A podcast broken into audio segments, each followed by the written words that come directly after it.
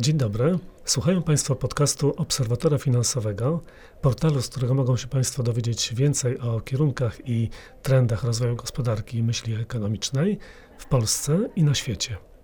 Można nas czytać na stronie www.obserwatorfinansowy.pl.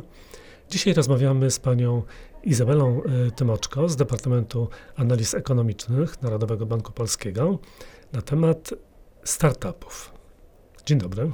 Dzień dobry. Czy każda nowa powstająca firma jest startupem? Jak można zdefiniować pojęcie startupu? Z pewnością nie każda firma e, nowo powstająca jest startupem. To oczywiście zależy od tego, czym kierują się osoby zakładające taką firmę. Czy są to osoby zdecydowane na szybki, dynamiczny, nowoczesny rozwój, czy też takie, które chciałyby realizować swoje własne potrzeby, zarabiać e, i organizować sobie życie. Steve Blank twierdzi, że organizacja powołana do życia, która ma na celu stworzyć model biznesu opartego o powtarzalność i możliwość jego skalowania, to jest właśnie startup. Czyli taka firma, która przede wszystkim będzie szybko się rozwijała, będzie dostarczała produktów coraz to większej e, liczbie osób oraz e, taka firma, która swój model biznesowy będzie mogła powielać na wielu innych rynkach. A startupy zaczęły powstawać dopiero teraz, niedawno. Jest to związane y, z tym, co się dzieje w trakcie rewolucji technologicznej. Czy one powstawały wcześniej, tylko po prostu tak nie nazywaliśmy firm, które rozpoczynały działalność? Rzeczywiście jest takie wrażenie, że startupy mm, zaczęły pojawiać się niedawno. Z pewnością e, ma to związek z rozwojem e, technologii, ale myślę, że Microsoft, Apple e, to są również startupy, które pojawiły się wiele lat wcześniej, z tym, że po prostu ich tak nie nazywaliśmy. A czy kiedy mówimy o startupach, to myślimy głównie e, na przykład o e, przedsiębiorczości związanej właśnie z powstawaniem nowych firm technologicznych, czy, czy bardziej mamy na myśli inwestycje, czy innowacje? Startupy to mieszanka przedsiębiorczości i innowacji. Przede wszystkim przedsiębiorczość osób, która decyduje się na stworzenie startupu, bo startup to firma, która działa w środowisku bardzo wysokiego ryzyka. Z drugiej strony, startup to firma, która dostarcza nam innowacyjnych produktów. Firmy, y, które nazywamy startupami, y, potrzebują wsparcia. To wsparcie zapewniają na przykład rządy, y, często bardzo dużymi kwotami wspierają nowe firmy. Rządy widzą oczywiście w tym wsparciu szansę rozwojową dla całej gospodarki, ale wsparcie takie udzielane jest też przez duże, rozwinięte już firmy. Firmy często wchłaniają startupy, widząc w nich potencjalną konkurencję, na przykład za jakiś okres, albo na przykład widzą jakiś ciekawy obszar Y, biznesowy i, i y, chcą mieć mm, właśnie taki biznes w swojej strukturze. Y, co jest lepsze dla takiego mm, startupu? Wsparcie rządu czy dużej, rozwiniętej firmy? Zdecydowanie ważne jest, aby państwa, rządy wspierały otoczenie, w którym rozwijają się ekosystemy startupowe. Oczywiście inwestowanie w rozwój hubów startupowych to jest jedna, jedna z, z, takich możliwości. Tutaj przoduje Holandia, Izrael, Skandynawia. W tych hubach startupy się porozumiewają między sobą, współpracują, wymieniają wiedzą. Natomiast e, bardzo ważne jest wsparcie finansowe państwa i na przykład e, możemy tutaj popatrzeć na Izrael i na Jozmę, która w bardzo dużym stopniu przyczyniła się w sposób finansowy do rozwoju właśnie tego ekosystemu startupowego. Dzisiaj możemy mówić, że Izrael to naród startupów, no ale tam złożyło się wiele czynników na to, ażeby te startupy rozwijały się w tak dynamiczny sposób. I oczywiście e, jest też ta druga noga, czyli to wsparcie korporacyjne.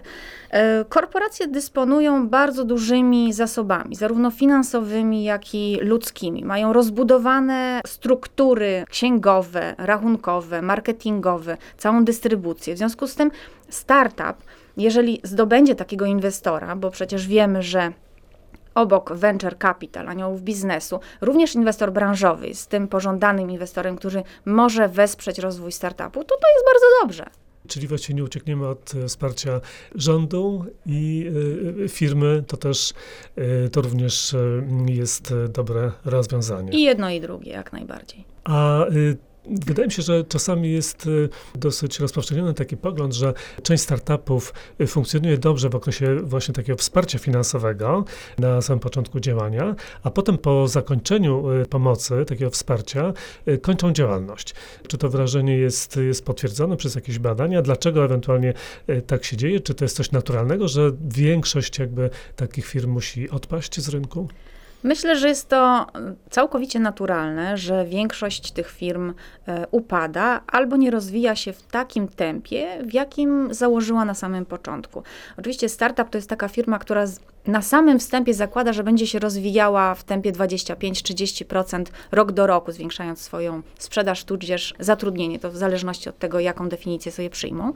Natomiast startup zawsze będzie potrzebował wsparcia finansowego. Na początku startupy finansują się w głównej mierze poprzez własne środki. Tutaj mamy badania Startup Poland, które mówią, że e, około 60% e, polskich startupów finansuje się z własnych środków, z środków założycieli. Ale cały etap rozwoju startupu od powstania do wejścia na, na giełdę, bo to jest oczywiście ten docelowy model, jest związany z finansowaniem, z różnym sposobem finansowania. Na początku będzie to właśnie to 3F, później wejdą y, fundusze zalążkowe, później będzie, będą to anioły biznesu, e, gdzieś tam po środku będą jeszcze te e, granty, w naszym przypadku NCBIR na przykład, dalej będą aniołowie biznesu, inwestorzy branżowi, no i będzie to w końcu giełda. Natomiast za każdym razem wiąże się to z coraz większymi środkami finansowymi. Jak dużo startupów ten pierwszy okres y, przeżywa i co jest potrzebne do takiego przeżycia? Czy jest coś wewnątrz startupu, y, jakieś DNA, które pozwala rzeczywiście firmie od zera rozwinąć się na bardzo dużą skalę? Czy można to jakoś zdiagnozować? Są jakieś kategorie gospodarki, które może szczególnie nadają się do takiej działalności startupowej? Rzeczywiście są badania, z których dowiadujemy się, jaka część startupów przeżywa, jaka niestety musi zniknąć z rynku. W ostatnich latach pojawiły się takie analizy, dlaczego firmy e, startupowe nie przeżywają. Mówi się, że jedna na dziesięć firm startupowych realizuje swój zamierzony sposób rozwoju. Czy to jest dużo, czy to jest mało? No, mając świadomość, że to jest um, działalność wysokiego ryzyka, to jedna na dziesięć firm może to jest i duża przeżywalność. To trudno mi e, powiedzieć. E, natomiast czy istnieją jakieś e, wewnętrzne cechy przedsiębiorstw, które decydują o tym, czy firma przeżyje, czy nie przeżyje? Jak najbardziej. Najważniejszy jest tak naprawdę w startupie człowiek. Lider, zespół, to, czy lider potrafi współpracować z zespołem, to, czy e, członkowie zespołu potrafią współpracować ze sobą. No i to, co decyduje tak naprawdę o tym, czy firma przeżyje, czy nie, to czy założyciele startupu wiedzą, co chcą zrobić. To znaczy, mówi się, że problem, który chcesz rozwiązać, to produkt, który stworzysz.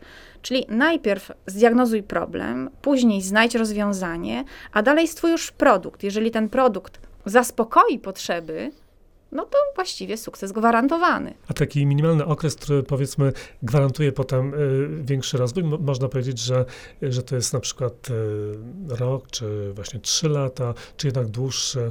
Jeśli firma przeżyje ten okres, to już się utrzyma na rynku, czy tutaj raczej nie jesteśmy pewni, jak to mm. wygląda?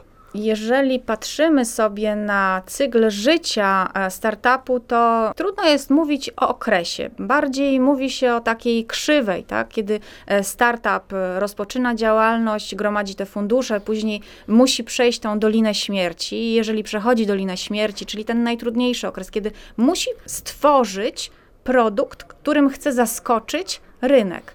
Trudno jest powiedzieć, czy jest to rok, czy jest to trzy lata. No oczywiście, tak jak mówię, jest to środowisko wysokiego ryzyka, ale też niezwykłych e, możliwości, e, ludzi bardzo kreatywnych, poszukujących.